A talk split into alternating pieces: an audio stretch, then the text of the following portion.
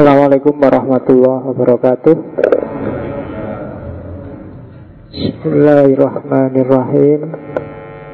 Alhamdulillahi Rabbil Alamin Wabihi nasta'inu ala umurid dunya waddin Allahumma salli wa sallim wa barik ala habibina wa syafi'ina sayyidina wa maulana Muhammadin wa ala alihi wa bi ihsanin ila yaumiddin. Amma ba'du. Oke, bismillah. Kita lanjutkan ngaji kita. Setelah kemarin kita selesaikan sesi tentang filsafat ketuhanan Malam ini kita balik ke timur. Kita main ke Jepang. Filsafat Jepang. Meskipun filsafat Jepang sebenarnya bukan salah satu favorit biasanya bagi para pengkaji filsafat timur. Tapi beberapa yang khas ada di Jepang Jadi ada baiknya kita ngerti serba sedikit Meskipun hanya lewat ngaji satu dua kali pertemuan. Karena kalau ke Jepang sendiri kan mahal. Tiket ke Jepang itu yang paling murah Air Asia. Air Asia yang harga promo. Kalau yang harga promo bisa sekali T 3 juta 750-an Cuma kalian kalau ambil Garuda ya bisa yang kelas VVIP itu 37 juta. Jakarta, Tokyo. Ya, tiga, 37 itu ya lumayan kamu dapat. Tapi kalau Air Asia ada yang tiga, ada yang lima, ada yang tujuh. Yang tiga ini kalian pesannya paling tidak setengah tahun sebelumnya. Biasanya gitu kan Air Asia, pesannya panjang gitu Ya, ya dicoba aja sekali-sekali. Kayak para ulama zaman dulu itu loh Kalau nyari satu hadis saja bisa perjalanan berbulan-bulan. Hanya dapat satu hadis. Kalau kamu kan ngopi maktabah samilah paling nggak sampai setengah jam. Sudah dapat jutaan hadis. Oke, kita cari ada hikmah apa dari Jepang. Kita cari yang inti-inti Yang hakikat bukan yang tampilan-tampilan. Kalau yang tampil Indonesia itu kan filosofinya luar biasa, cuma tampilannya biasa-biasa saja, bahkan cenderung agak inferior. Jadi kadang-kadang kita memang harus masuk ke balik realitas, ke balik penampakannya. Penampakan itu sering menipu, jadi hati-hati sekarang yang rajin WA, rajin Facebook, rajin internetan ini kan berita itu kan tidak karu-karuan sekarang. Mana benar, mana salah kalian pening luar biasa. Apalagi kalau baca debat-debat, baca wah yang satu nuduh A, yang satu nuduh, nuduh B, pikiranmu mesti bunek, tidak karu-karuan. Maka latihanlah bergerak ke balik yang kelihatan. Ya, kalau di dunia sufi banyak. Belum lama saya baca ada kitab bagus, ini buku hariannya seorang sultan, meskipun ditulis orang lain. Judulnya Mudhakirat Sultan Murad. Itu dari Turki Utsmani Sultan Murad keempat. Jadi satu ketika Sultan ini jalan-jalan belusuan cuma malam-malam. Nggak kepingin di syuting TV, jadi tidak ingin banyak orang tahu ya belusuan aja. Tiba-tiba dia lihat ada mayat di pinggir jalan. Banyak orang ngerti Cuma orang-orang cuek semua pada mayat itu. Akhirnya dipanggil salah satu orang lewat Mas. Anggap aja Jawa ya manggilnya mas. Bahasa Arab aku tidak ngerti panggilannya apa. Mas ini kok diem aja ya? Orang sini ini loh ada mayat itu Katanya yang dipanggil itu, ah biar aja pak itu. Orang ini pemabuk, kerjaannya suka. Sobonya di kalau sini mungkin tiap malam ke sarkem terus beli minuman keras terus mabuk. Ngapain sih? Kita harus nolong-nolong biar aja dia mati di situ. Katanya Sultan Murad ya tidak bisa dong. Kalau memang dia muslim walaupun yang terjadi ya harus kita rawat jenazahnya. Akhirnya Sultan memerintahkan dah ini bawa pulang aja mayatnya. Terus diangkat begitu nyampe rumah istrinya Ya biasa ketemu suaminya meninggalkan dia nangis-nangis Terus. Kata istrinya sudah kuduga akhirnya akan begini. Terus istrinya bilang Tapi kamu pasti masuk surga wahai wali Allah. Oh kan Sultan Murad kan kaget. Ini orang kayak gini kok istrinya nangis lucu Ada wali Allahnya segala. Nah, Ya Waktu ditanya istrinya Lu sampean kok bisa bilang ini walinya Allah? Suami saya ini sebenarnya orang baik. Cuma tiap malam Dia beli minuman keras banyak-banyak Terus dibawa semua Terus dia pergi ke sungai Terus dibuang semua di sungai. Sambil bilang Malam ini lumayan. Aku meringankan dosanya orang-orang muslim dikit. Jadi ah, Minuman kerasnya dibuangin. Terus kalau ke Sarkem ditemui beberapa WTS terus sudah malam ini kamu libur aja. Tak bayar tak booking semalam. Tidak usah ngelayani tamu. Ketemu lagi ya jadi tiap hari kerjaannya gitu tiap malam. Jadi istrinya sampai marah-marah ceritanya istrinya. Tiap malam saya marahin Besok kalau kamu meninggal Tidak ada yang mau ngangkat jenazahmu. Makanya tadi bilang sudah kuduga. Tapi jawaban suaminya Tenang aja Besok kalau aku meninggal yang ngurusi jenazahku bukan orang-orang itu, tapi Amirul Mukminin, Khalifah, Sultan, semua ulama dan semua ilmuwan, semua orang terhormat di negeri ini akan nyalati jenazahku. Wah. Dan benar Sultan, oh ya saya ini Sultan. Dan benarlah dia akhirnya Sultan memerintahkan semua ikut mensolati para ulama, orang-orang besar, semua mensolati orang ini. Padahal di mata orang-orang dulunya itu ya cuma orang mabuk yang tiap hari sobonya sarkem. Tapi kan mawaro albiah apa yang ada di balik realitas kamu nggak tahu. Makanya jangan gampang nuding orang, nuduh orang kan itu pesan moralnya.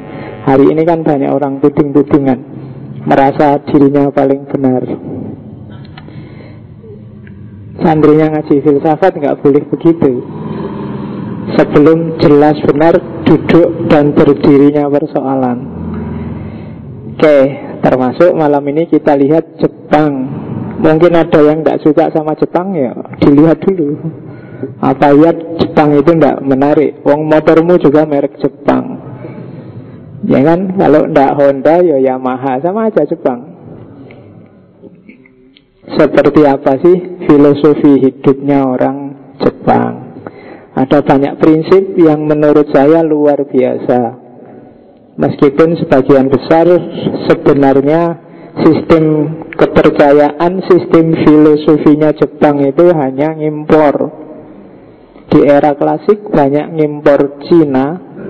Di era-era belakangan Pramodern sampai hari ini itu sebenarnya banyak ngimpor Barat tapi dia bisa mengolah versi dia sendiri. Karena dia punya filosofi sendiri tentang impor mengimpor ini. Nanti kita lihat. Oke, beda sama Jawa. Jawa itu adaptif. Ada apa-apa masuk. Tapi sampai Tapi dia susah untuk menjaga identitas dirinya. Tapi kalau Jepang tidak. Dia bisa ngimpor, bisa menyerap Tapi dirinya sendiri masih utuh itu gaya Jepang. Makanya sepak bola kan juga menang kalau di Asia. Dia punya gaya sendiri. Indonesia kan masih bingung nyari benchmark ini harusnya Asia itu niru Barat atau niru Jepang. Tapi kita sampai hari ini belum ketemu jawaban karena PSSI-nya sudah bubar. Kita nggak pernah belajar. Oke, cuma saya tidak yakin teman-teman yang malam ini hadir pernah sedikit-sedikit belajar tentang Jepang kecuali yang mungkin dari jurusan sastra atau jurusan hubungan internasional apa-apa makanya harus saya kasih pengantar dulu.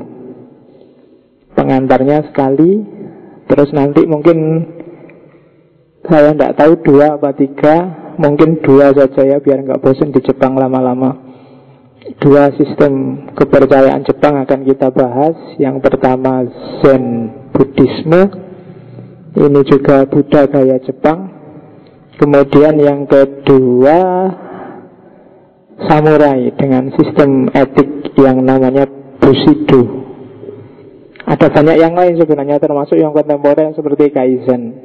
Kaizen yang terkenal dengan plan apalagi PDAC dan seterusnya yang ahli manajemen pasti ngerti. Plan do act check dan seterusnya.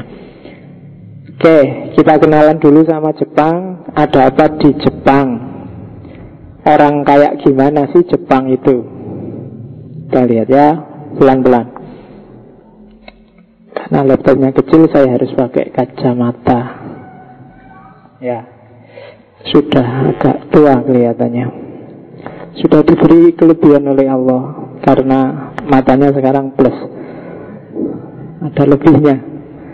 Oke, dilihat sekitar tahun 400 sampai 1500 itu titik-titik peradaban besar dunia 1500 berarti sampai dunia modern kalau Eropa ada dua peradaban Kristen ada Eropa Timur dan Eropa Barat.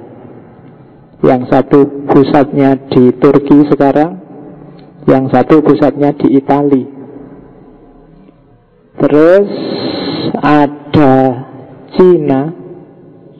Cina sejak dulu memang jago Jangan salah. Terus ada Persia. Persia ini super power lama Yang pikiran-pikirannya nyebar ke mana-mana Termasuk di situ disebut mempengaruhi India dan Jazirah Arab. Itu Persia pengaruhnya sangat kuat. Terus ada Asia Tenggara. Kalau Asia Tenggara pengaruh Cina dan Indianya kuat.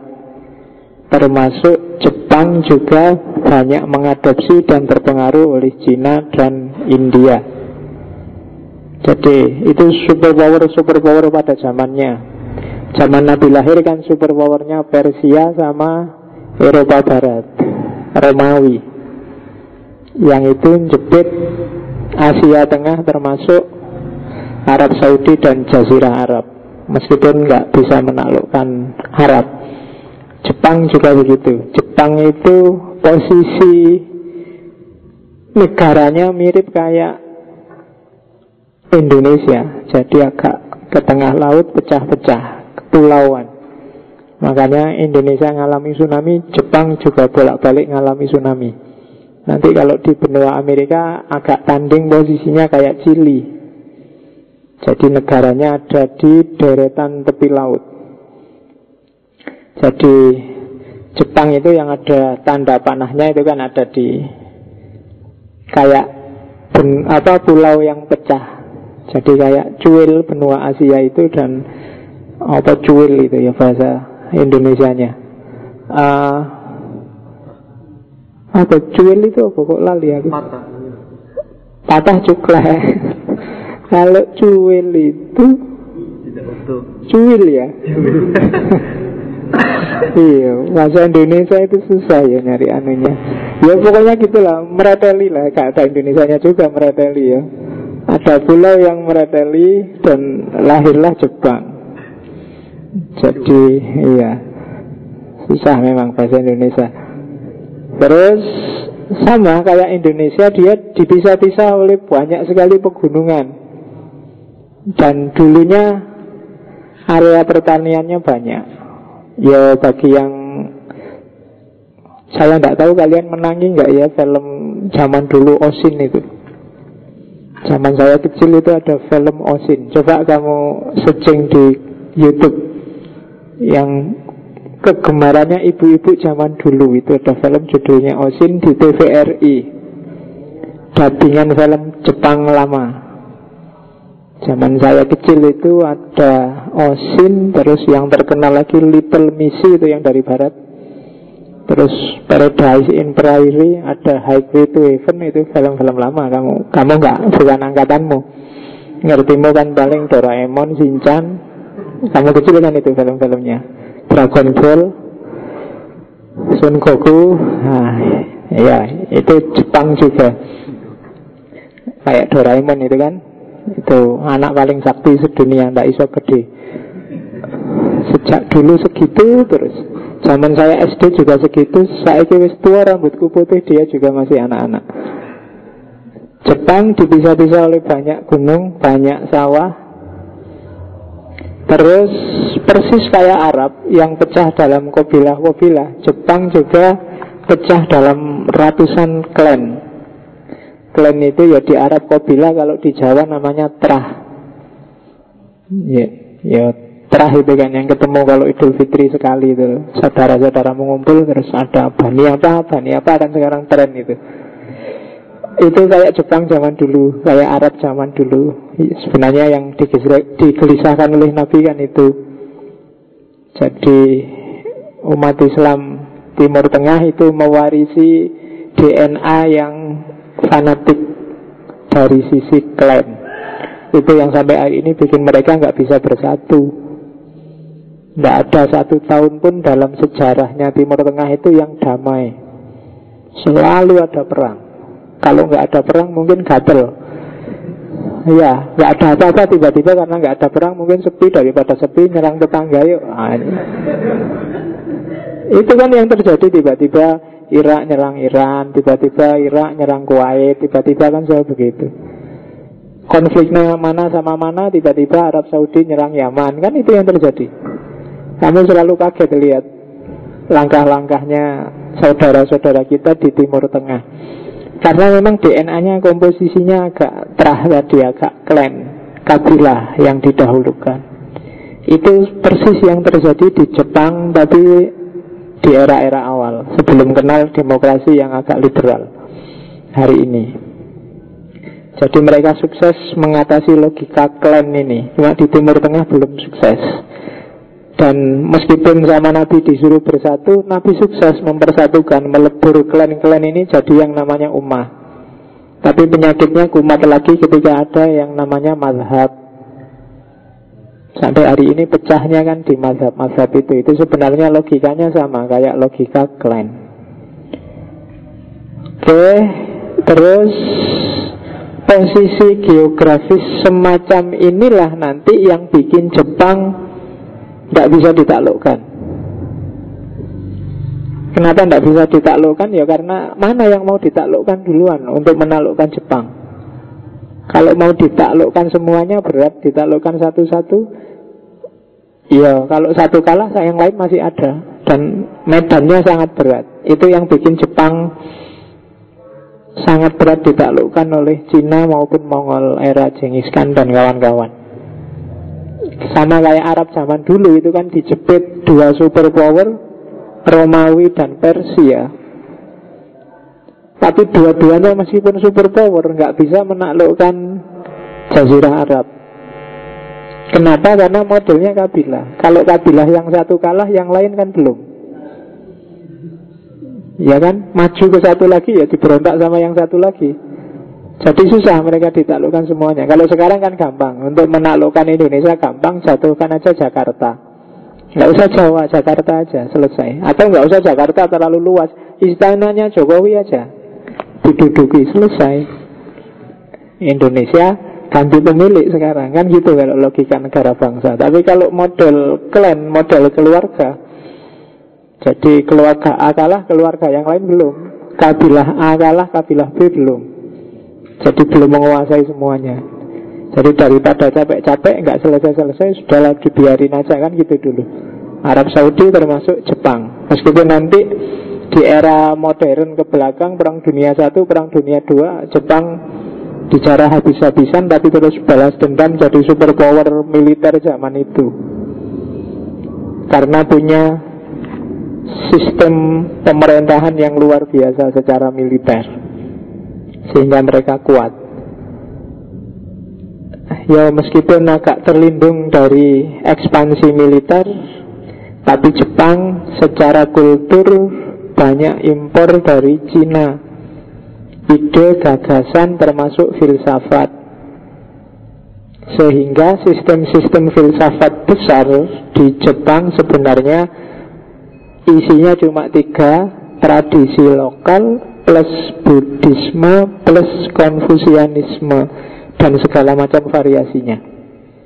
Jadi intinya cuma tiga itu nanti. Cuma diolah versi Jepang. Kayak Islam di Indonesia terus diolah jadi Islam Nusantara yang sekarang kamu peningkan lagi. Oke.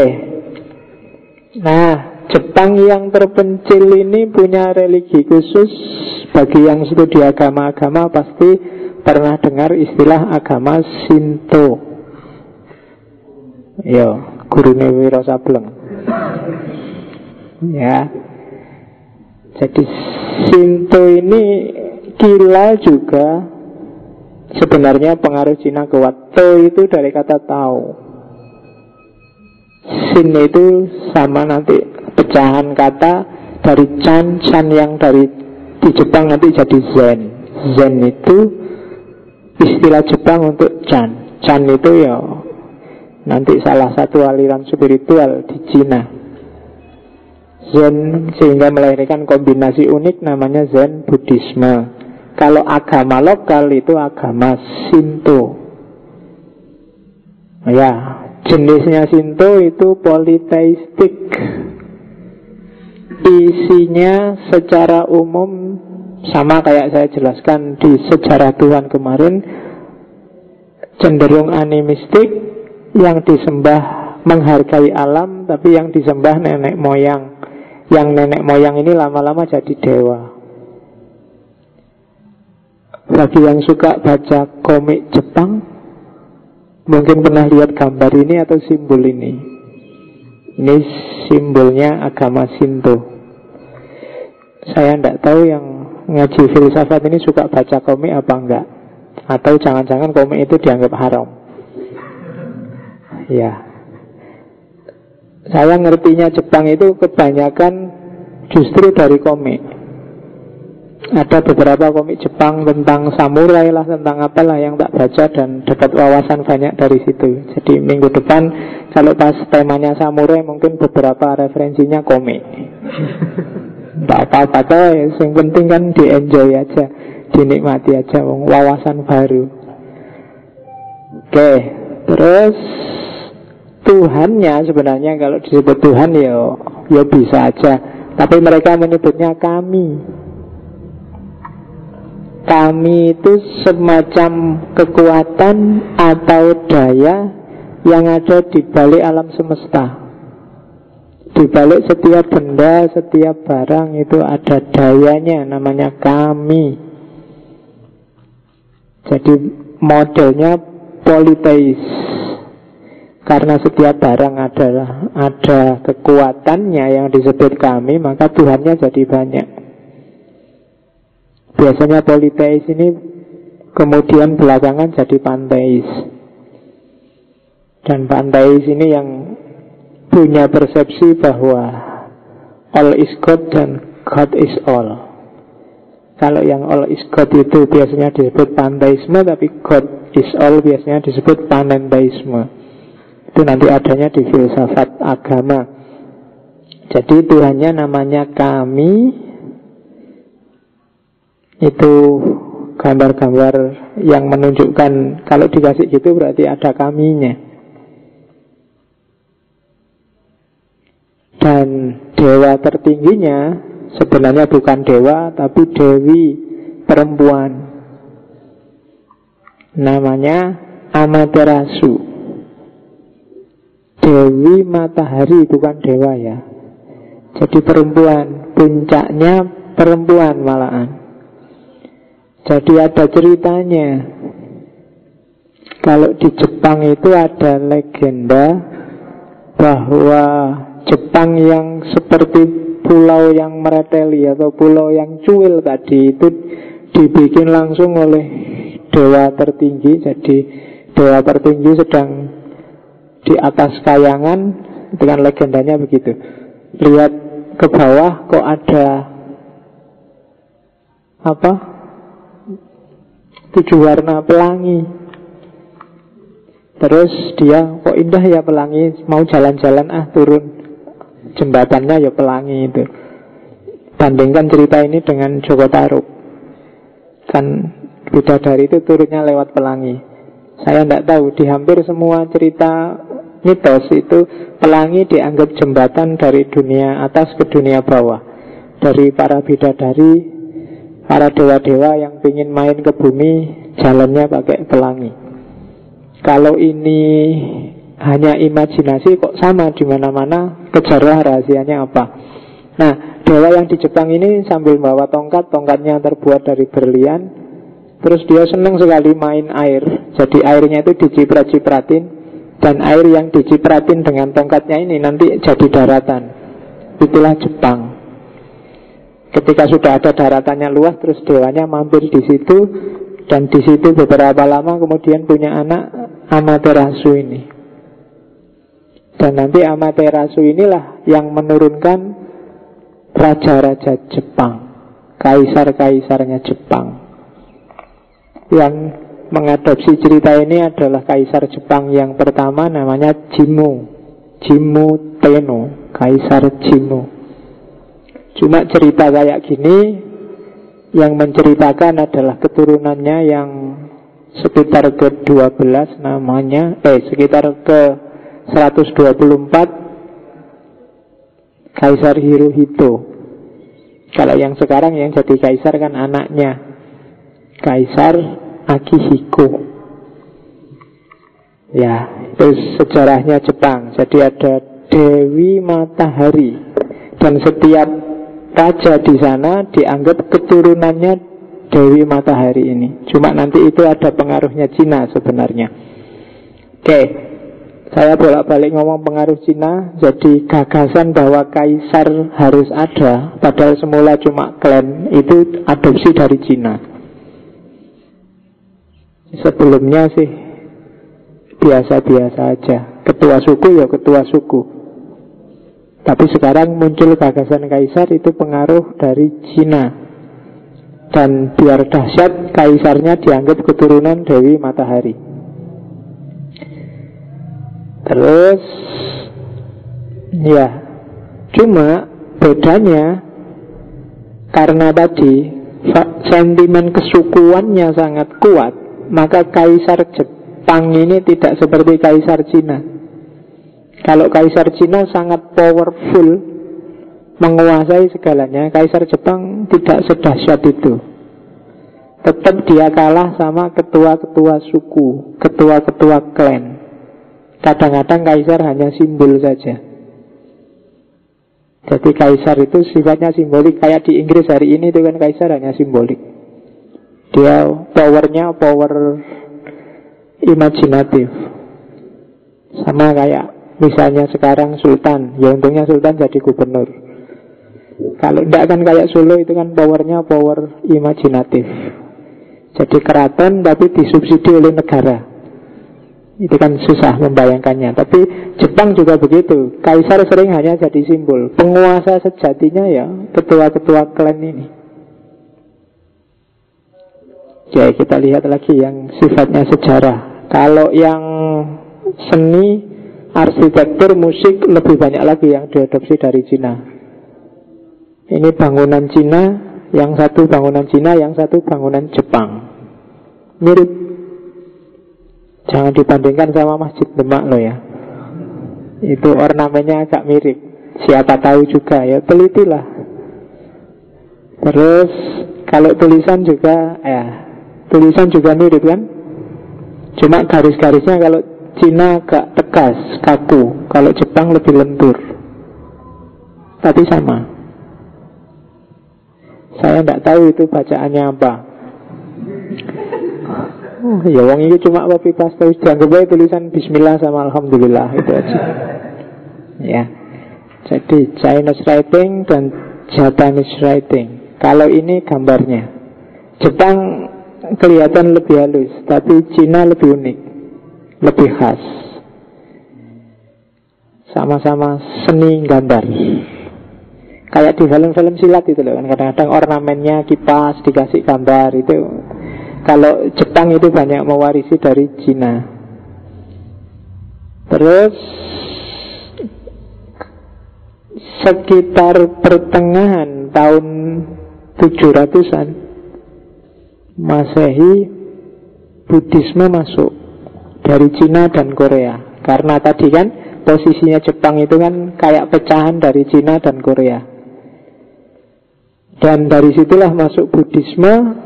Cuma Buddhismenya kemudian ketemu dengan agama lokal, agama Sinto dan campurlah Buddhisme dan Sinto.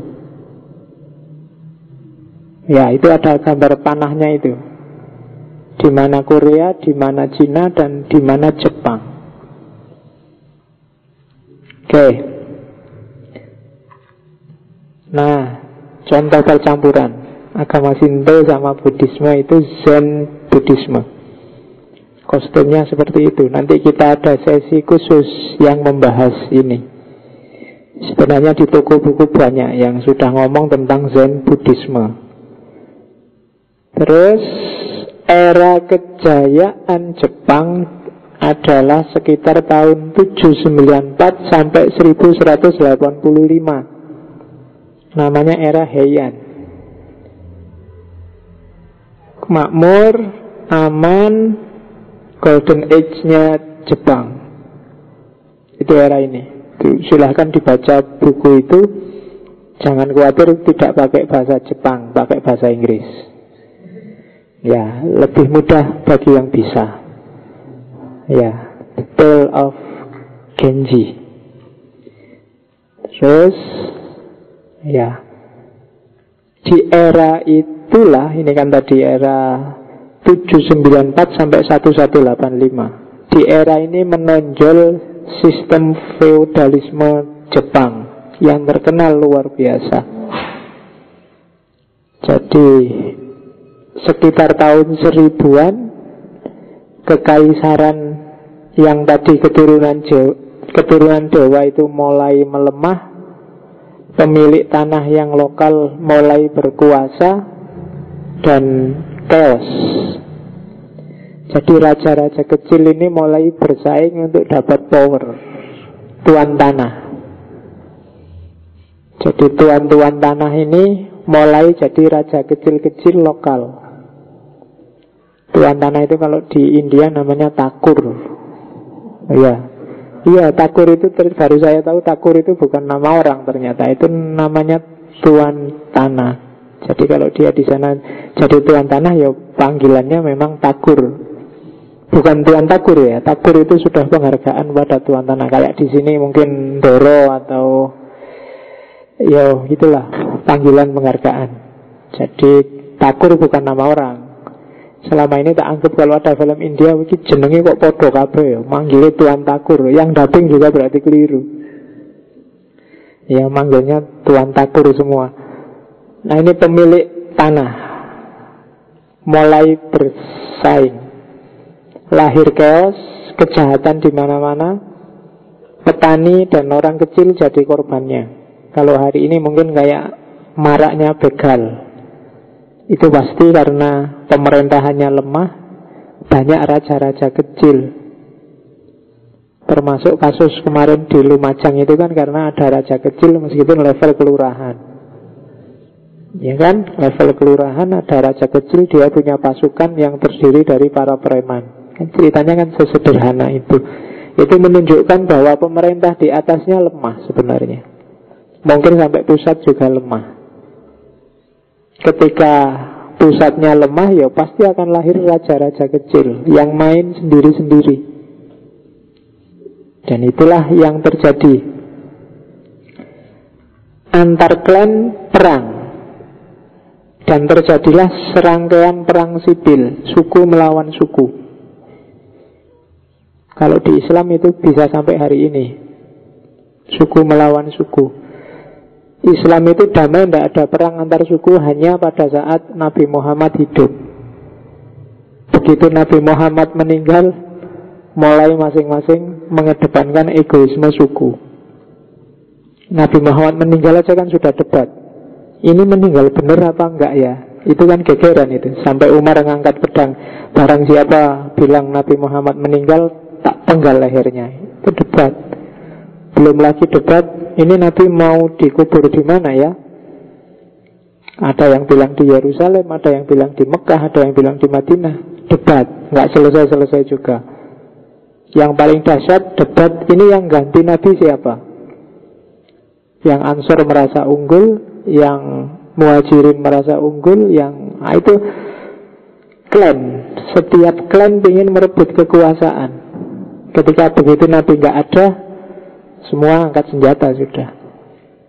Meskipun Abu Bakar diangkat kemudian secara aklamasi, tapi kan yang oposisi terhadap Abu Bakar banyak saat itu.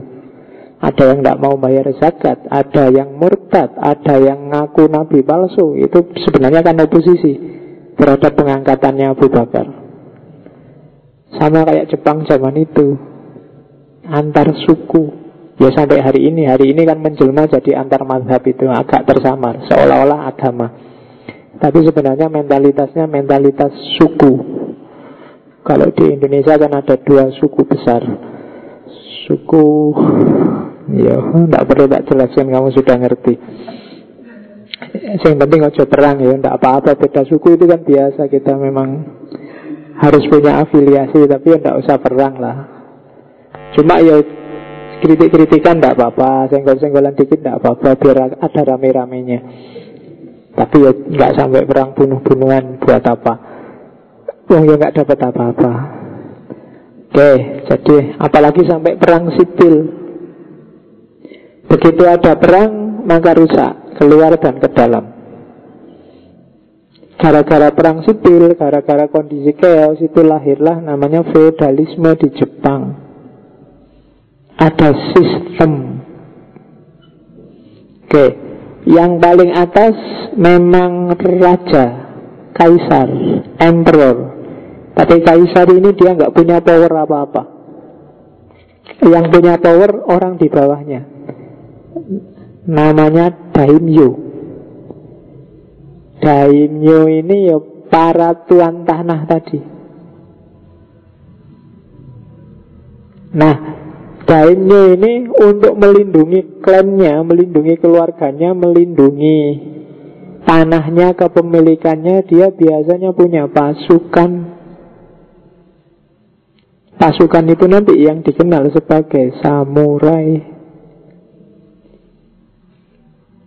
Ah, di bawah levelnya samurai ada para petani, ada para pedagang, ada para pengrajin. Jadi akhirnya hidupnya jadi strata. Jadi feudalistik Ada level bawah, ada level atas.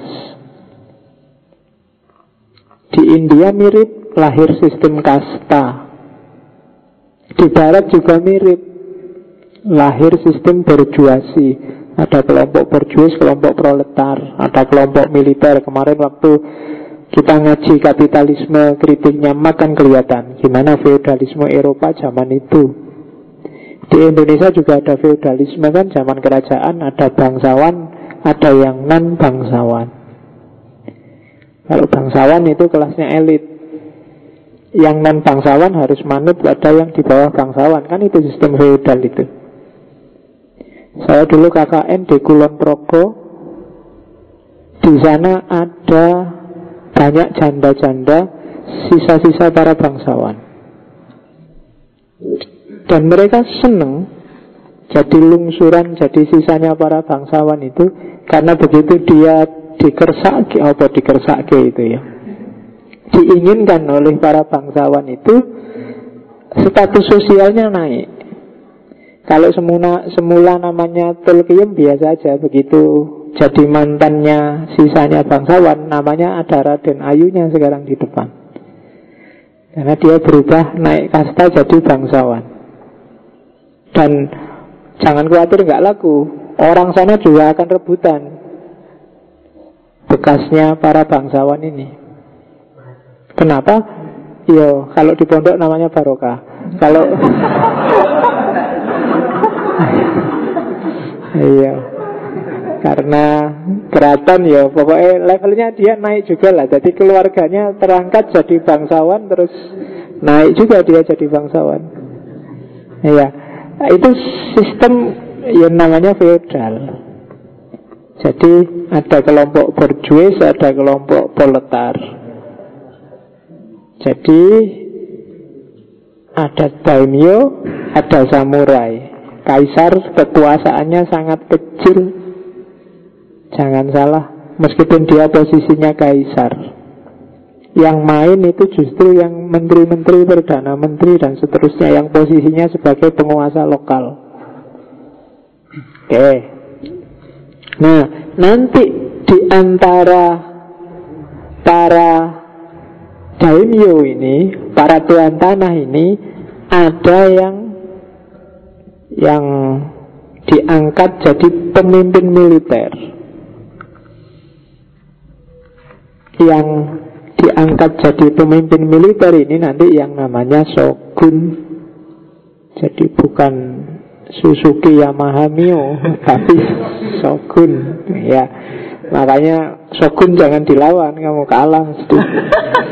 Dia, oh iya, pimpinan militer loh shogun itu.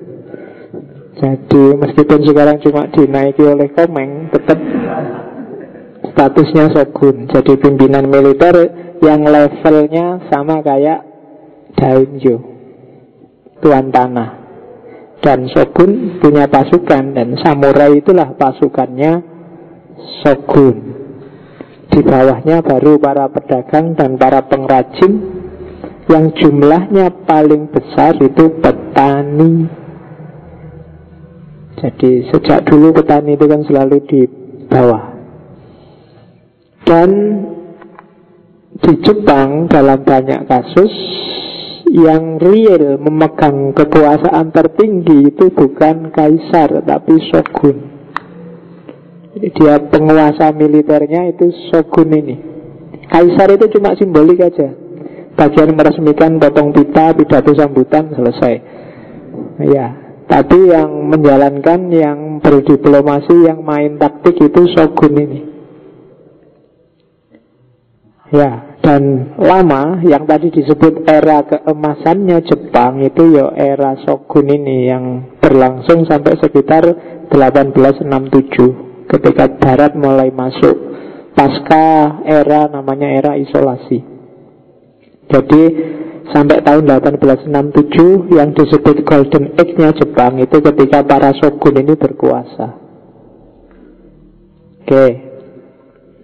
Nah, puncaknya kekuasaan Shogun itu ada di tiga tokoh ini Oda Nobunaga Toyotomi Hideyoshi dan Tokugawa Ieyasu yang suka komik bangsane samurai X apa kamu ngerti nggak komik manga nggak ngerti ya ya diwacolah sekali-sekali itu jangan cuma ngaji Al-Quran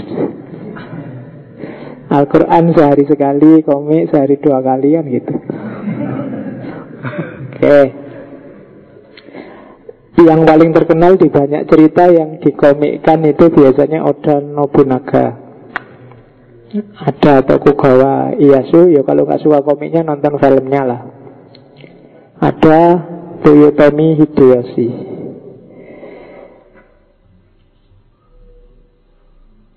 Oda Nobunaga orangnya berangasan, brutal tahun 1568. Dia bisa menaklukkan Kyoto, pusat pemerintahan zaman itu. Dia punya semboyan rule the empire by force. Agak diktator. Dan secara ideologis dia anti Buddhisme. Meskipun orang Jepang kebanyakan ideologinya banyak berbau Buddha. Tapi dianggapnya Buddha itu para pemberontak. Jadi dia banyak menyingkirkan rival-rivalnya yang beragama Buddhis. Pembantaian-pembantaian banyak dilakukan oleh Oda Nobunaga. Bahkan ada beberapa cerita yang mengilustrasikan kekejamannya Oda Nobunaga Ada yang ceritanya sampai bilang bahwa dia ini anaknya iblis. Ya tidak apa-apa Cuma cerita. Di Indonesia temannya iblis banyak. Dan tidak apa-apa juga. Kadang-kadang lebih mengerikan manusianya kan daripada iblisnya. Iblis itu kan paling cuma BCI dan menggoda. Yang benar-benar kejam sejati kan manusianya. Iblis kan nggak pernah bunuh sendiri, itu cuma ngoda-ngodain kamu, katanya gitu. Atau jangan-jangan cuma kamu jadikan alasan kalau pas kamu jahat, maaf saya khilaf, tergoda setan.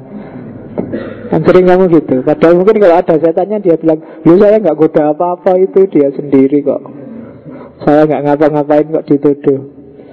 Orang beragama kan sering gitu. Kalau nggak nuduh Allah ya nuduh setan.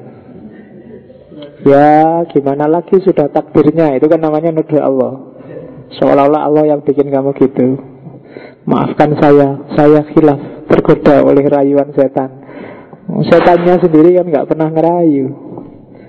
Tapi kamu bilangnya dirayu oleh setan. Empat Juni kamu sendiri yang pingin.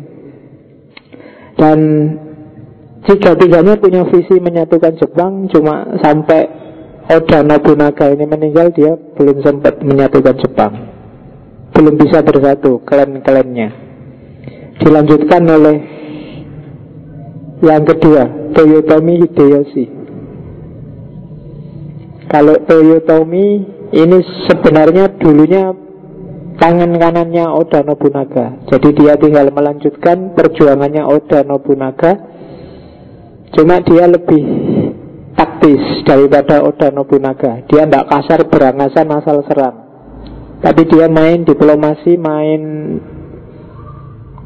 adopsi, main perkawinan. Adopsi itu berarti ya kerjasama mungkin mengangkat suku lain sebagai asisten, mengangkat dan seterusnya. Atau perkawinan. Daripada gegeran, kawin aja yuk, kan gitu.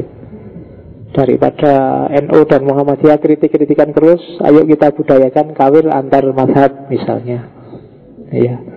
Saya kemarin ditawari diskusi kawin antar agama gitu. Ayo, jarang pelakunya. Mari kita budayakan kawin antar madhab.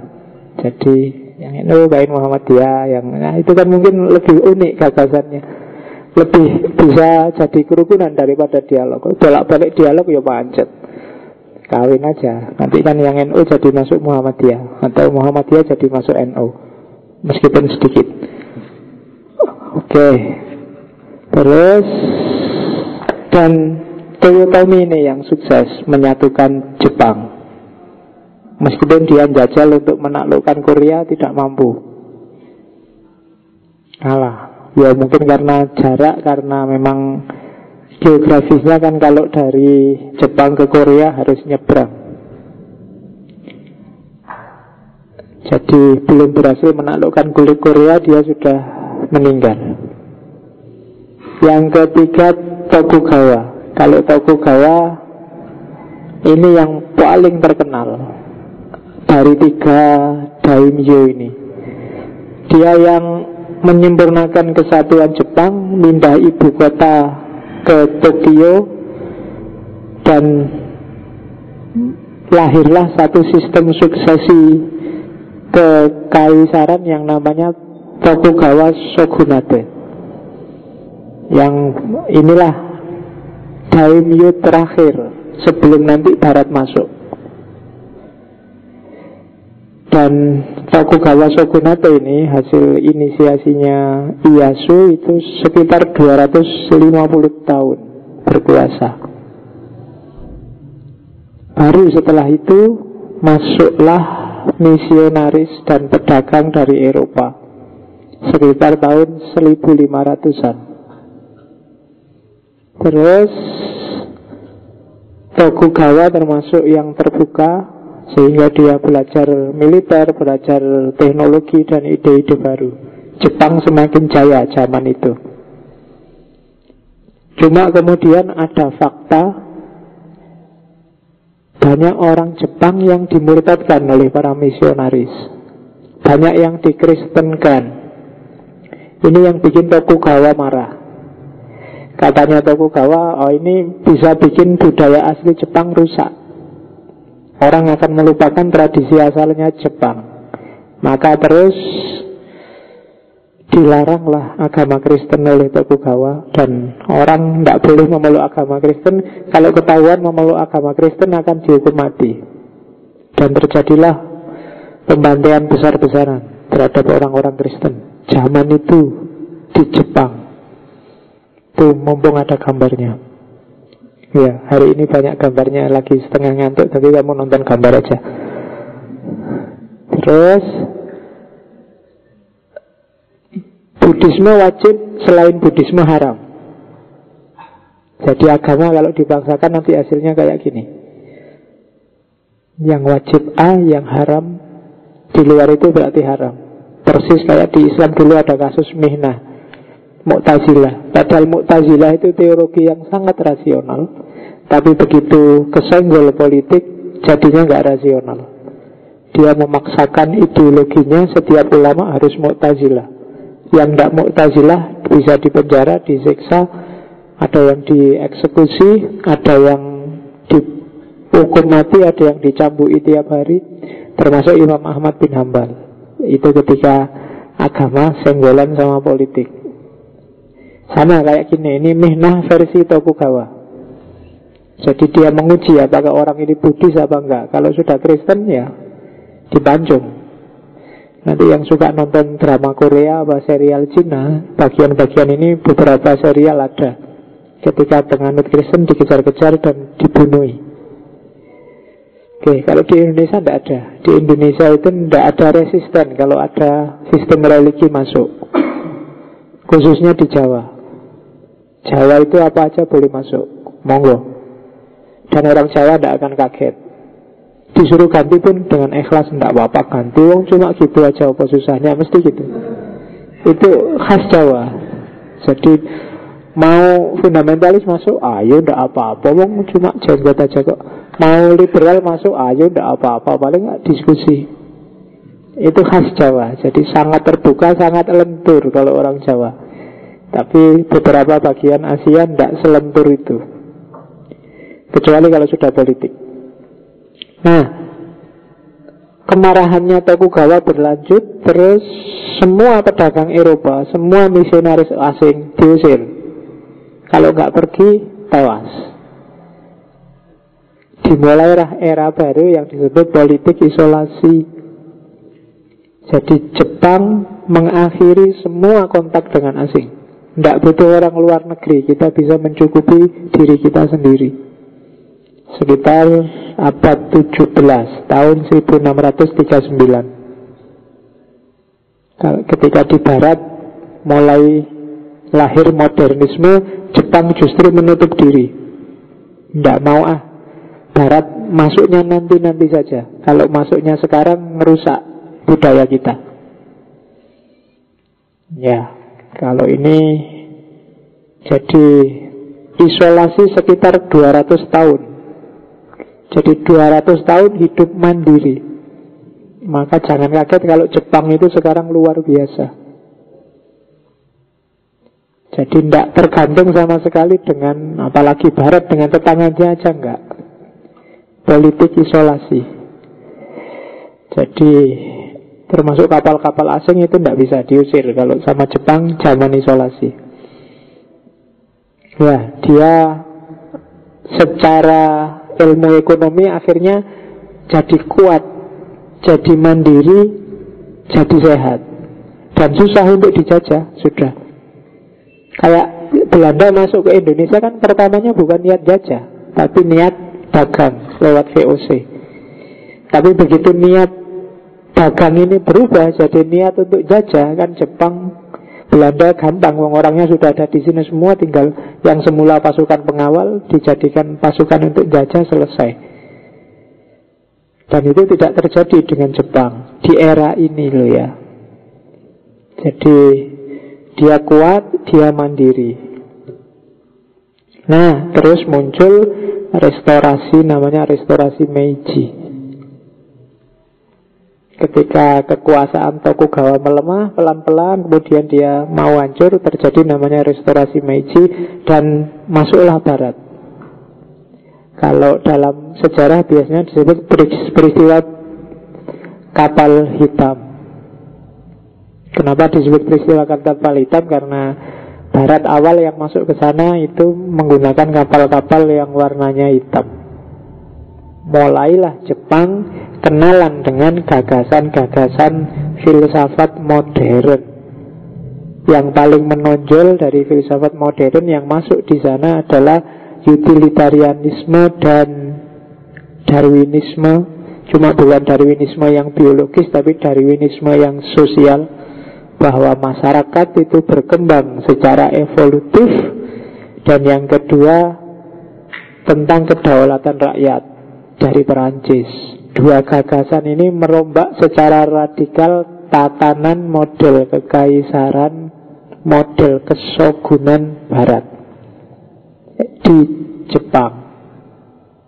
Jadi kalau kalian ada yang pernah nonton filmnya Tom Cruise yang dia jadi pasukan barat yang ditawan oleh samurai terakhir itu iya belas samurai nah itu era-era ini runtuhnya model kekaisaran Jepang lama dan datangnya kekuatan barat itu era yang disebut restorasi Meiji.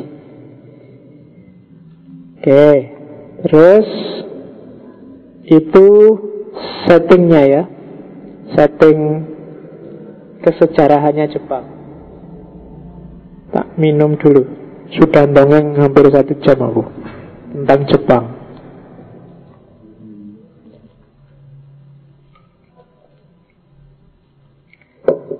Oke, sekarang kita mulai masuk ke gagasan-gagasan umumnya dulu yang di Jepang. Paling tidak kamu sudah mulai kenal seperti apa Jepang. Tidak cuma dari referensinya Miyabi dan kawan-kawan. Ya kamu sih mau akrabikan itu aja sih mau eling-eling. Ganti yang lain lah, ganti shogun apa samurai, masa Miyabi terus. Oke, ya. Oke, kita lihat Orang Jepang ini unik Banyak orang Jepang yang double agama Jadi kalau disurvei Ini survei tahun 92 Ini saya susah menerjemahkannya Jadi berdasarkan data Depdiknasnya Jepang. Departemen Pendidikannya Jepang. Uh, Tahun 92 ya. Sekitar 120 juta rakyat Jepang yang 100 juta Sinto 95 juta ngakunya Buddha. 1,5 juta Kristen. Sisanya agama yang lain. Itu kalau dijumlah double itu Katanya 120 juta. Itu kalau dijumlah itu 196,5 Belum kata-kata sisanya itu. Sisanya itu sisa dari mana? Wong itu sudah lebih. Ini tak terjemah letter luck loh ya. Kan Data Depdiknasnya Jepang. Jadi dari situ kelihatan bahwa lebih 80% sebenarnya orang Jepang itu bisa punya agama double macam-macam. Jadi kalau ditanya mungkin jawabnya sesuai situasi dan kondisi. Mungkin tiba-tiba jawab Buddha, tiba-tiba jawab Sinto Atau kalau repot-repot ya jawab aja Kristen. Oh sesuai siapa yang tanya Mungkin bisa gitu. Urusan ritual gampang lah. Yang penting percaya pada Tuhan Mungkin gitu kan. Sekarang mulai banyak Mulai marak. Jadi bertuhan tanpa agama. God without religion Atau Yang di barat sekarang Yang slogan paling populer kan Morality yes, religion no. Jadi agama itu tidak penting. Yang penting moralitasnya. Tidak ada gunanya punya agama formal Tapi moralitasnya rusak. Toh agama itu sama Tuhan diturunkan ke bumi Untuk biar manusia bermoral Sehingga bisa ngopeni bumi Jadi khalifahnya. Jadi Intinya agama kan memang moralitas. Itu kan sehingga Nabi bilang Nama bu istu liutamima makarimal ahlak. Jadi semakin kamu rusak ahlakmu Semakin kamu sebenarnya jauh dari visinya agama. Oke. Kalau filsafat Sebenarnya ya sejak awal sudah mereka sudah punya filosofi sendiri. Cuma istilah filsafat hari ini kalau di Jepang itu Kitat Sugaku Atau yang nanti diringkas dari Tatsugaku Itu artinya filsafat Love of wisdom, cinta kebijaksanaan. Yang merumuskan istilah ini namanya Nishiyamane. Tahun 1862. Jadi Love of Wisdom itu kalau bahasa Jepangnya kita Sugaku. Orang sana sekarang ringkesnya menyebutnya Tetsugaku. Jadi bahasa khas Jepang. Jadi filosofi kalau di Arab kemudian jadi hikmah, kalau di Jepang jadi Tetsugaku. Di Indonesia tidak berubah apa-apa, jadi tetap jadi filsafat. Indonesia mungkin karena tidak punya istilah khusus.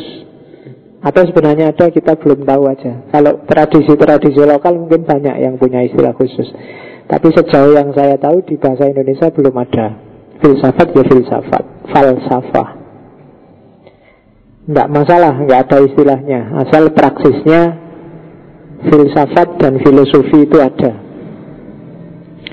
Oke. Kita lihat beberapa aliran filsafatnya Jepang. Yang paling terkenal itu Zen memang. Ini cabang Buddhisme. Tekanannya sama seperti semua filsafat timur yang lain Harmoni batin Makanya di hampir semua filsafat timur ada anjuran orang untuk semedi. Kalau di Jawa disebut topo broto Kalau di Islam disebut tafakur muhasabah. Karena orang tidak bisa melakukan, mewujudkan harmoni batin kalau dia tidak muhasabah, tidak tafakur, tidak mengheningkan cipta. Jadi mengheningkan cipta itu bukan mendoakan para pahlawan yang telah gugur. Tapi membuat akal, pikiran, nuranimu hening. Tidak sibuk oleh apa pun sehingga jernih membaca realitas. Itu gunanya mengheningkan cipta. Jadi tidak usah nunggu upacara mengheningkan cipta itu. Kalau memang kalian ingin hening, heninglah. Hentikan semua aktivitas yang mengacaukan batin. Jadi kalau di banyak teknik semedi itu biasanya Jangan dipaksa berhenti tapi biarkan aja datang terus capek pergi sendiri semuanya. Biarkan aja datang capek pergi sendiri dan akhirnya hening. Kalau kalian paksa untuk pergi biasanya malah tidak pergi. Kayak kamu aku tidak ingin mikir kamu aku tidak ingin mikir. Ayo malah ada di situ terus. Tidak usah dipikir kayak gitu flow aja. Kayak minggu lalu Karen Armstrong itu mengalir aja. Dan nanti kalian akan sampai pada titik hening. Itu yang di banyak agama timur disebut semedi. Syukur-syukur kalau pagi kalian bisa latihan ini Hening sebentar sebelum bangun. Atau setelah sholat subuh lah kalau ada waktu Kalau nggak tidur lagi. Ya semacam muhasabah tafakur mengheningkan cipta sebentar. Kecuali kalau kalian subuhnya jam 7 Itu urusan lain. Ya, kayak biasa nih. Oke, aliran Zen akan kita perdalam mungkin minggu depan. Jadi saya nggak perlu ngomong banyak. Ada dua golongan besar. Yang pertama Soto Zen, Soto bahasa Jepang ya, bukan bahasa Indonesia. ya, iya nanti kalau satunya Soto Zen, jangan-jangan satunya Rawon Zen. Nah, iya. Soto Zen sama Rinzai. Jadi soto zen ini biasanya yang menjalankan para petani, para pedagang, pokoknya kelas-kelas yang bukan militer, kasta-kasta pekerja. Sementara yang aliran Linzai itu biasanya untuk kelas penguasa dan militer. Orang kenalnya Zen Buddhisme. Kalau di Cina namanya Chan, C-H-A-N. Kalau ada yang berminat silakan main ke toko buku banyak. Buku-buku tentang Zen biasanya berisi cerita-cerita yang menarik. Kayak buku-buku sufi itu kan yang menarik kan karena cerita-cerita para walinya. Zen Buddhisme nanti banyak buku juga isinya kayak begitu. Itu aliran pertama. Aliran kedua Amida. Amida ini ya cabang Buddhisme juga Cuma yang isinya agak mix dengan Buddhisme Cina. Dia biasanya punya dua patung, satu patungnya Buddha, satu patungnya Kuan Im. Dewinya Sun Gokong itu. Dan yang ketiga patung Daisisi Nanti ada gambarnya silakan di surfing di Google Yang satu lambang kebijaksanaan Yang Daisisi Lambang kemurahan itu Dewi Kuan Im. Dan objek utamanya itu patung Amida Buddha. Jadi ini Buddha versi Jepang. Oke. Buddha versi Jepang ini banyak yang memeluk karena tidak jelimet. Kalau Zen agak rumit pikiran-pikirannya. Terus ini Siren Sosu. Ini juga sekte Buddha. Jadi ini Siren Sosu ini semacam pemurnian. Jadi semua yang bau-bau lokal, bau-bau Jepangnya agak dibuang. Ini purifikasi model Buddhisme Jepang.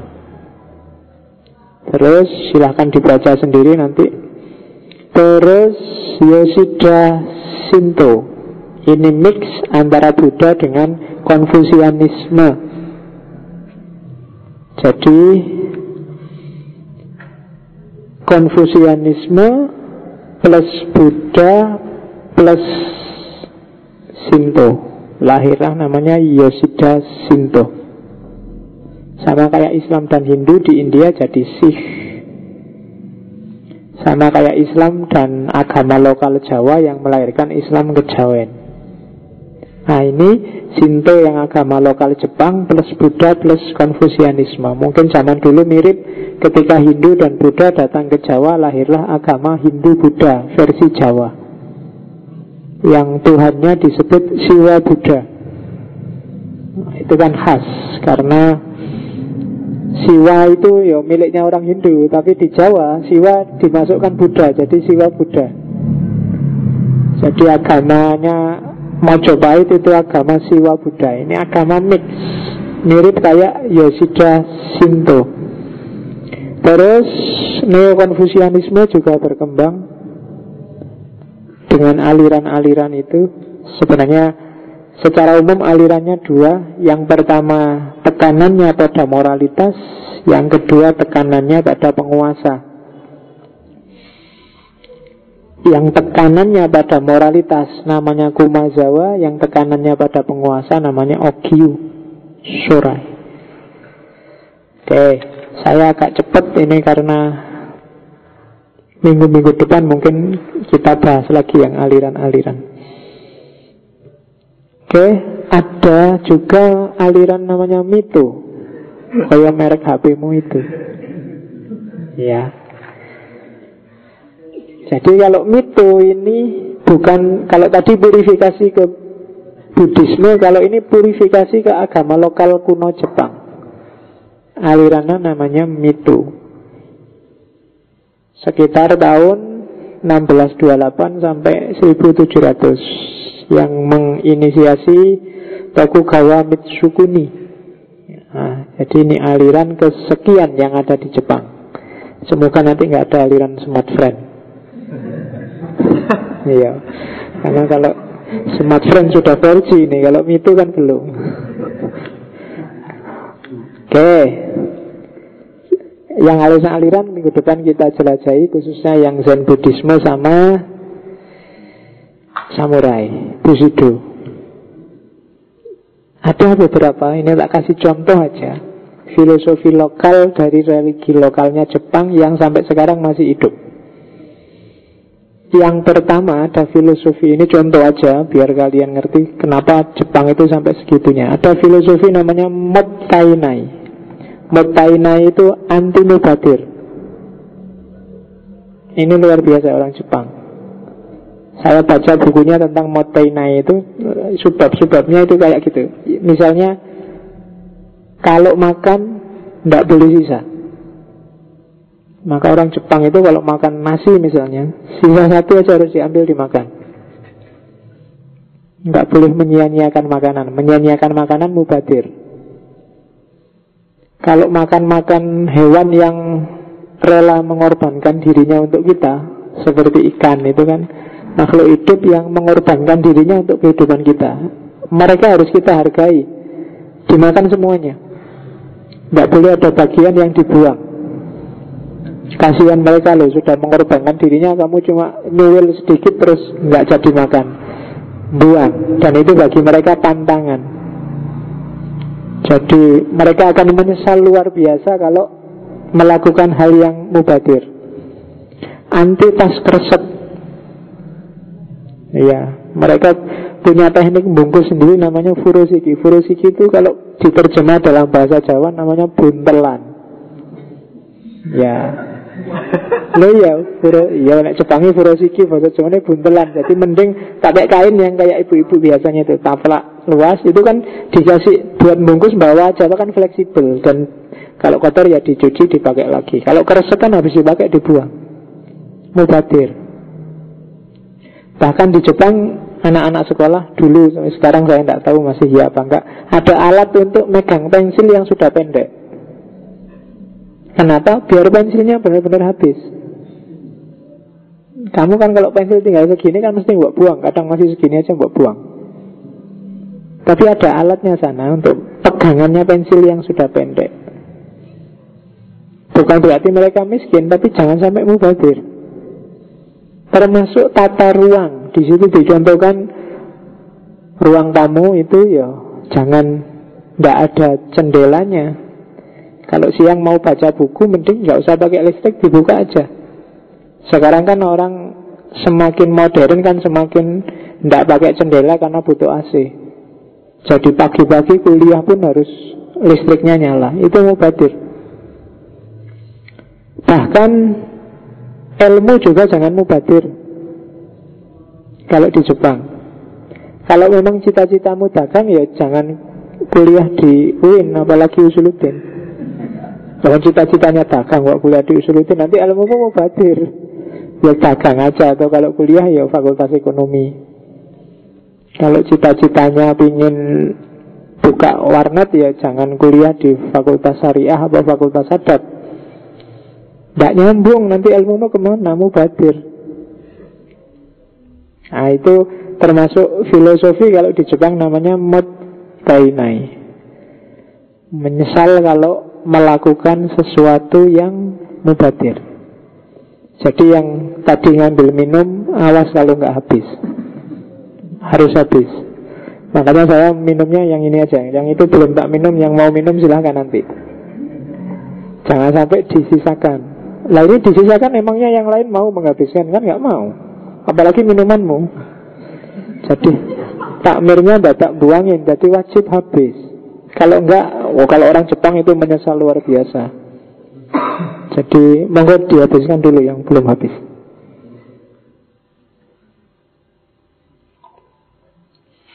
Oke Jadi ini contohnya Terus Menurut saya yang dahsyat lagi dari Jepang adalah isolasi tadi. Tidak banyak negara yang berani mengisolasi dirinya. Kuatir macam-macam sudah. Coba berani nggak Indonesia deklarasi mulai hari ini putus hubungan dengan semua yang berbau luar negeri. Kita cukupi kebutuhan kita sendiri. Kalau mau sebenarnya bisa. SDM SDA kita memadai Cuma apa ya berani Mau sih mau Kayak orang disuruh kawin dua apa kawin tiga itu loh Mau sih Tapi apa ya berani Resikonya panjang Isolasi juga begitu. Kenapa sih harus diisolasi? Ada gunanya. Ketika orang melakukan isolasi Dia akan mandiri secara mental dan Mandiri secara material. Mandiri secara mental itu dia akan tangguh. Tidak gampang mudah dipengaruhi. Tidak gampang tergoda oleh luar. Karena nantinya dia sendiri juga bisa melakukan Bisa hidup tanpa yang di luar.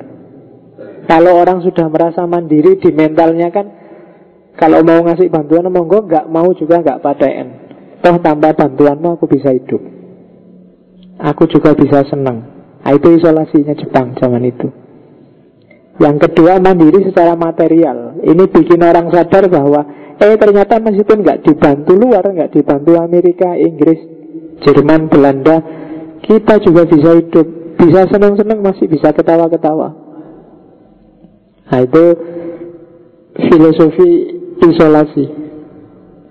Jadi bukan berarti kok jangan bergaul dengan yang lain, tapi kita harus belajar dulu sampai tangguh, sampai mandiri, baru kerjasama, baru bergaul dengan yang lain. Maka kita tidak akan tergantung dengan yang lain. Mungkin yang lain malah yang tergantung dengan kita. Itu dulu yang diterapkan oleh Tokugawa Yang bikin mentalnya orang Jepang tangguh sampai hari ini. Bolak-balik diguncang gempa Dihantam tsunami Mereka tetap tangguh. Tidak cengeng kayak kita. Kita kan bencana di kita aja kan Nunggu bantuan luar negerinya Dan rebutan ketika bantuannya datang Itu kan menunjukkan kita agak lemah Di mental Tidak tangguh. Kalau Jepang mereka memang latihan untuk tangguh, untuk mandiri di era pra-modern. Sehingga masuk zaman modern mereka kuat luar biasa. Itu contoh filosofinya masyarakat Jepang. Eh, terakhir.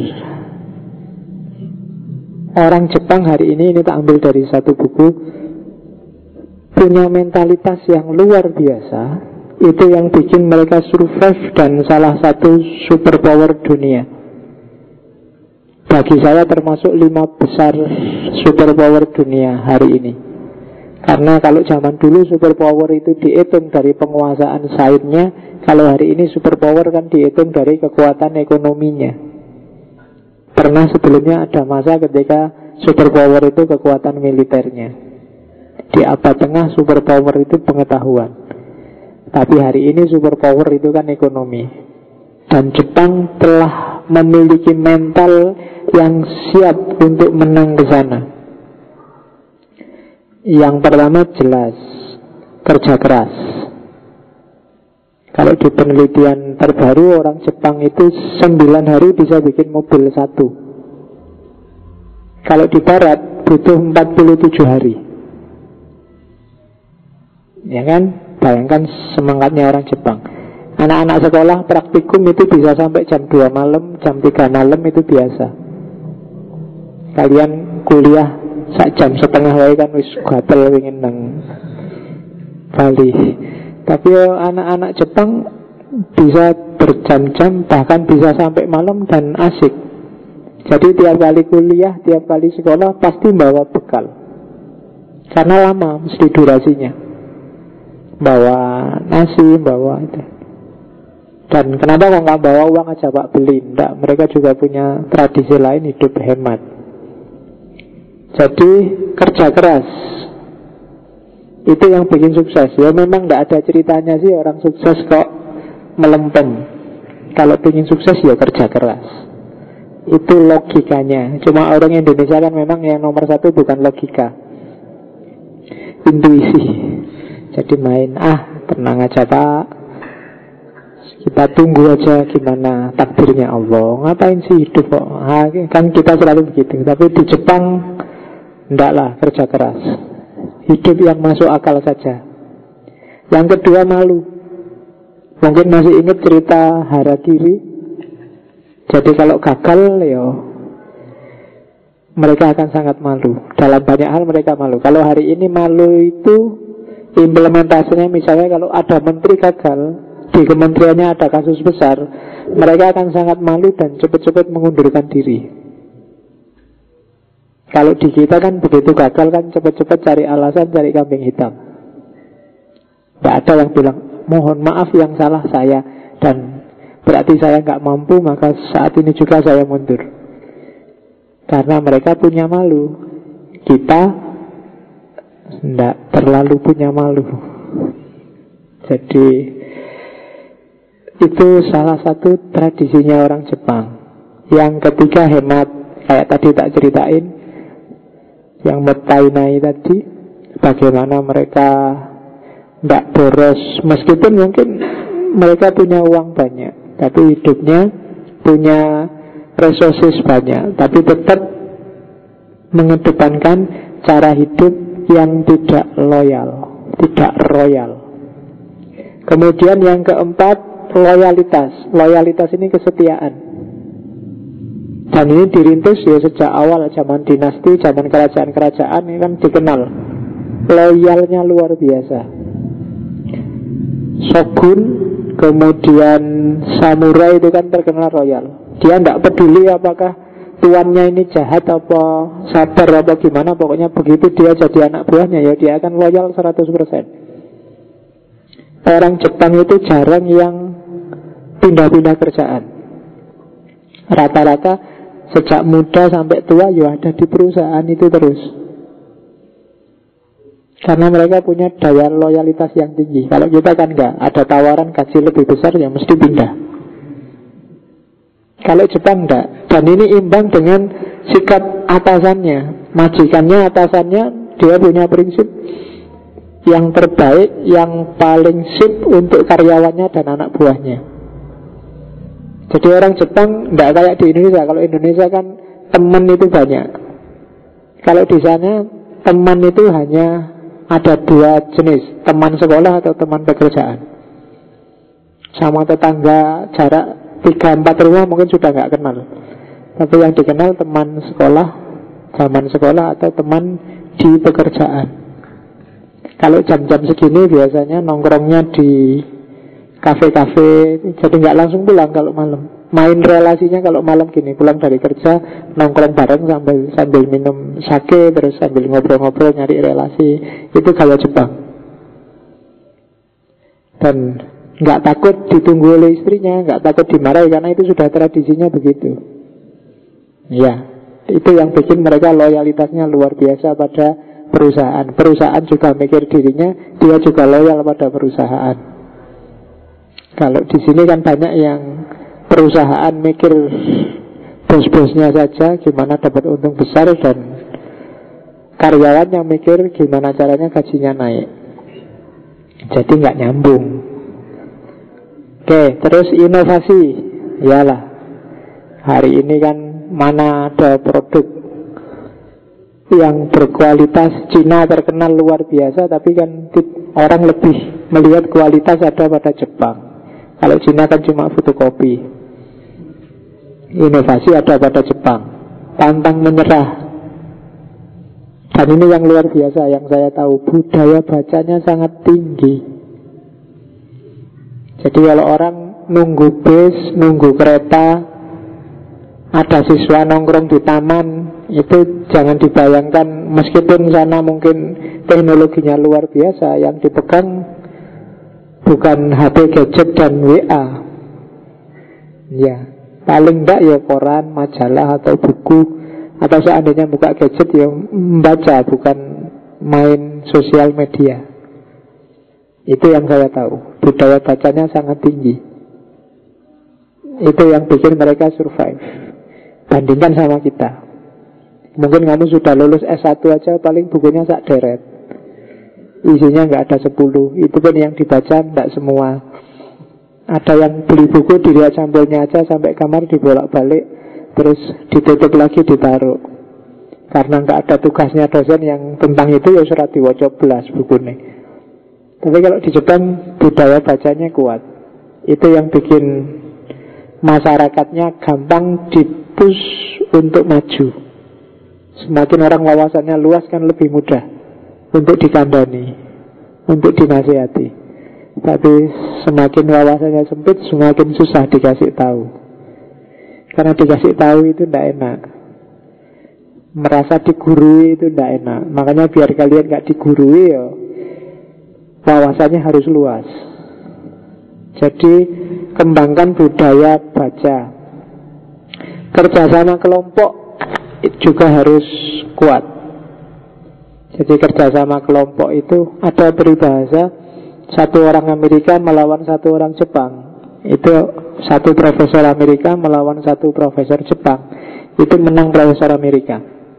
Tapi sepuluh profesor Amerika melawan sepuluh profesor Jepang akan menang profesor Jepang. Karena mereka terbiasa kerja tim secara satu-satu mungkin kalah, tapi bareng-bareng kita kuat. Nah itu visinya orang Jepang. Jadi mereka makanya tidak terlalu banyak tokoh single individual yang sangat terkenal dari Jepang, tapi negaranya bisa maju. Jadi tokoh ini dari Jepang, tokoh itu penemu ini dari Jepang jarang. Tapi coba lihat produksi IT-nya, luar biasa. Bandingkan sama Amerika yang punya Steve Jobs, punya Zuckerberg, punya itu kan single-single fighter, single-single tokoh banyak. Atau Islam zaman dulu ada Ibnu Sina, ada Al Farabi, itu kan single-single fighter. Tapi kalau di Jepang jarang kalian nemu itu. Makanya di Islam hari ini kan ya susah nyari yang kayak gini karena budaya kerjasama kita lemah kita sudah pecah duluan gara-gara klan-klan tadi kan kobilah-kobilah tadi kalau nggak bisa kerjasama ya majunya susah itu yang terjadi sama kita hari ini. Kerjasama kelompoknya lemah. Dan yang terakhir mandiri. Di antara budaya yang paling enak bagi anak mudanya sebenarnya Indonesia. Karena di banyak negara di luar itu seumur kalian ini hampir SMA itu banyak yang sudah mandiri. Sudah keluar dari rumah, entah berjuang gimana caranya bisa hidup. Kadang kalau kepepet beneran ya minta uang ke orang tua tapi nanti dibayar, dianggap utang. Jadi budaya semacam itu banyak hidup di luar, baik di Eropa maupun di beberapa negara Asia yang sudah maju. Kalau kalian kan kadang sampai S2 masih nunggu kirimannya bapak.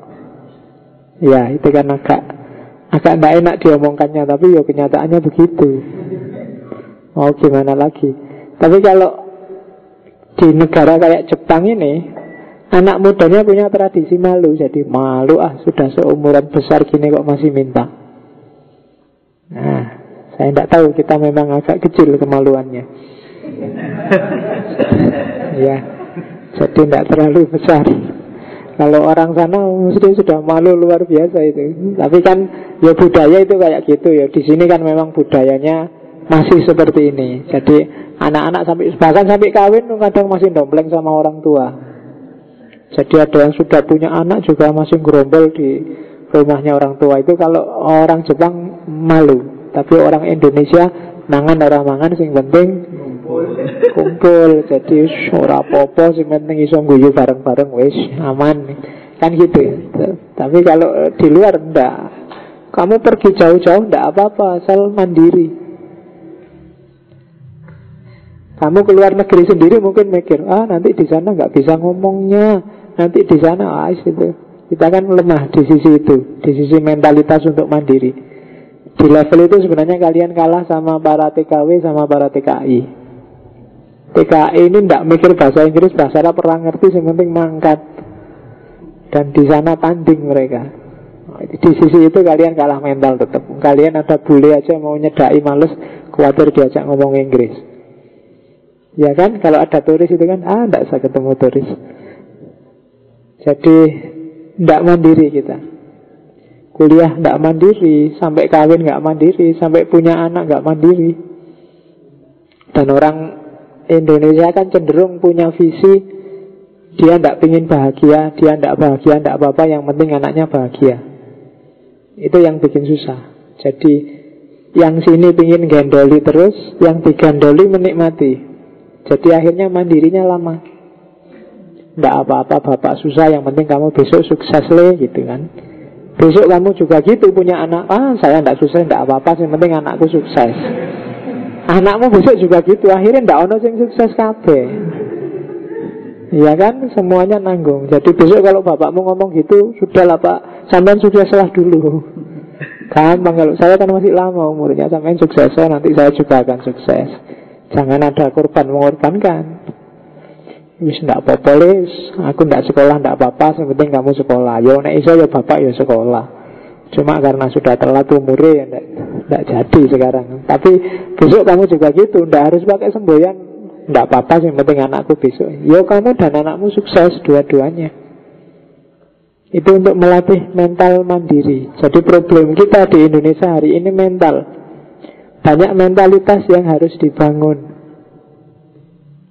Kita kebanyakan mentalitasnya mentalitas nuntut Tapi males kerja keras Mentalitas tidak punya malu. Mentalitas hedonis. Tapi kalau dibilang hedonis nggak mau. Padahal HP-nya tiap bulan ganti. Ya kan? Baju nggak mau yang jelek. Sepatu masih bisa dipakai Merasa sudah jelek karena dianggap sudah out of date. Ya kan? Saya punya teman dari Singapura itu. Dia anaknya konglomerat luar biasa kaya tapi HP-nya masih HP level-level Nokia 3310 itu. Suaranya masih tangting-tangting gitu yang bikin telinga gatel itu kan. Yang kalau suara buanter lagi enak-enak ngobrol suaranya buanter. Tapi no problem bagi dia. Kalau dia mau dia bisa beli Samsung S12 Rumah ya Lo maksudnya pesan khusus ke pabriknya Samsung buat aku sendiri yang lo maksudnya. Kalau dia mau, tapi kan dia tidak tidak pesan kayak gitu dan dan dia melepaskan diri dari dukungan orang tuanya sejak muda. Jadi dan dia sukses dengan bisnisnya sendiri dan bisa. Yang itu jarang saya temukan di Indonesia Indonesia itu biasanya mentalnya Seandainya muncul ide Pingin bisnis ah, pingin itu ah Tapi manja Manja itu mungkin bisnis dua tiga hari Ini kok tidak ada yang Beli, nggak ada harapan sukses Tutup, tutup, kan mesti gitu kamu Bubar, bubar, mesti gitu. Tidak tangguh mentalnya. Jadi satu bulan nggak laku-laku terus nggak kejual-kejual sudahlah berarti nggak jodoh gitu aja kan teorimu. Jadi wassalam Ya kayak kamu ikut MLM itu loh. Suwi mensukses kan gitu. Kok ya yang presentasi kok enak banget Seolah-olah cepet Jadi kaya raya sukses dengan MLM Tapi ditunggu Tunggu ndak nyampe-nyampe. Oh, Kapan lagi? Bubar-bubar kan selalu gitu. Ya kan? Ya di samping memang kamu ketipu MLM Tapi sebenarnya menunjukkan mentalmu ndak tangguh. Loyalitas apalagi? Kebanyakan kita oportunis Milih yang menguntungkan dan menyenangkan. Itu bagi saya problem. Karena logika hidup itu kebanyakan Bukan logika nyari enak Tapi logika puasa Barang siapa mau puasa Dia akan ketemu nikmatnya buka puasa yang bisa menahan diri sebentar Dia akan menemu hasilnya dari menahan diri tadi kalau enggak, ya enggak. Rumus hidup kebanyakan itu. Tapi kebanyakan di antara kita enggak mau kalau disodori puasa. Sudahlah, enggak usah internetan dulu. Baca buku dulu. Enggak usah ngobrol dulu, ngaji-ngaji lah sebentar. Enggak usah. Tapi kan kita berat kalau disuruh yang kayak gini. Jadi kita tidak punya mentalitas puasa Mentalitas kita adalah mentalitas pesta di Indonesia apa pun jadi pesta Bencana alam pun jadi pesta Orang dapat musibah jadi pesta Ya kan? Buktinya ya rame-rame ingin nonton. Saya pernah rame-rame hanya ingin nonton Lumpur Lapindo. Itu dua bis besar. Loh ya kan? Luar biasa orang Indonesia itu. Orang dapat bencana kok malah ditonton. Kan jadi pesta. Iya.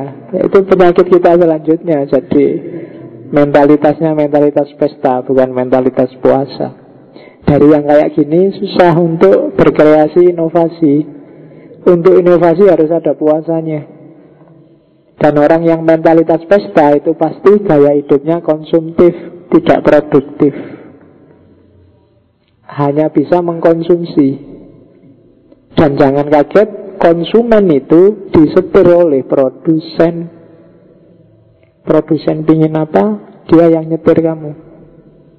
Produsen sepatu akan nyetir kamu, ini loh sepatu paling out of date. Eh, sepatu paling up to date, out of date. Ngomongin lo ngantuk ini. Jadi, dan pantang menyerah. Tidak gampang ngelukro. Apalagi yang budaya baca ini. Bacalah semuanya, jangan tanggung-tanggung. Hari ini orang milih-milih kalau baca. Yang garis keras, yang dibaca yang keras-keras Yang lain dianggap liberal dan nggak mau baca yang liberal. Yang liberal juga gitu Dianggap pokoknya sing fundamentalis itu ndak mutu. Dan dia ndak mau baca buku-buku kayak gitu. Terus yang pro PKI baca buku-buku yang pro PKI saja Yang anti PKI dibaca yang anti PKI saja. Menganggap semua wacana yang beda dengan dirinya itu salah jadi semakin miskin bacaanmu, semakin nggak mungkin kamu inovatif. Semakin kamu nggak inovatif ya, semakin kamu jadi konsumen. Dan masyarakat konsumen adalah masyarakat yang disetir oleh para produsen, para pemilik modal.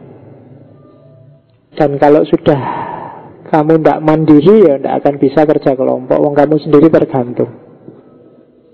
Dan ini sebenarnya mentalitas yang sangat kita butuhkan yang sudah dikembangkan duluan oleh orang Jepang. Bahkan sejak era pra-modern.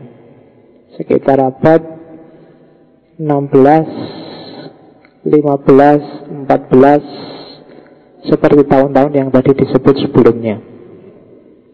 Jadi nanti kita lihat minggu depan tradisi spiritualnya Jepang Zen Buddhism Kemudian satu lagi tradisi pantang menyerahnya Jepang, sistem etikanya yang nanti disebut Bushido yang dimiliki oleh para samurai. Syukur-syukur bisa sedikit nyinggung tentang ninja dan Naruto. Oh iya kan itu sebenarnya nyambungnya ke situ nanti. Iya, andalanmu kan Sasuke. Oke, saya kira itu ada yang mau tanya kak? Kemarin ada yang tanya. Tidak ada ya? Alhamdulillah saya tidak tahu di Facebook ada yang tanya apa enggak Sudah lama tidak nonton Facebook. Apalagi sejak Jenderal Sudirman Facebooknya ganti. Jadi saya tidak tahu sekarang Rame apa enggak di Facebook. Belum saya cek. Peradabannya kan sekarang ganti Facebook Nggak terlalu laku. Yang rame sekarang WA yang bikin capek saya karena saya harus menghapusi postingan di WA kan sehari itu bisa ratusan. HP ku kan masih HP lama jadi nek isinya terlalu banyak puyeng sendiri HP-nya. Iya. Kalau ada berita panjang orang bikin cerita itu alamat wis. Mesti hang, jadi harus di restart lagi. Makanya yang yang ngirim WA ke saya nggak usah panjang-panjang, singkat-singkat aja. Ya wis misalnya. Tak datang apa enggak? Enggak usah dikasih prolog panjang-panjang. Tak mengingat malam ini Atau macam itu. Soal alamat itu wis. Ya jadi HP lama kan gitu. Karena itu tadi Mandiri tapi. Hidup hemat ya Puasa. Puasa untuk menutupi bahwa sebenarnya janjinya yang males Oke, ketemu lagi minggu depan dengan Zen Buddhisme. Saya akhiri sekian, kalau nggak ada yang tanya, wallahul muwafiq wal afu minkum wallahu a'lam bisawab. Wassalamualaikum warahmatullahi wabarakatuh.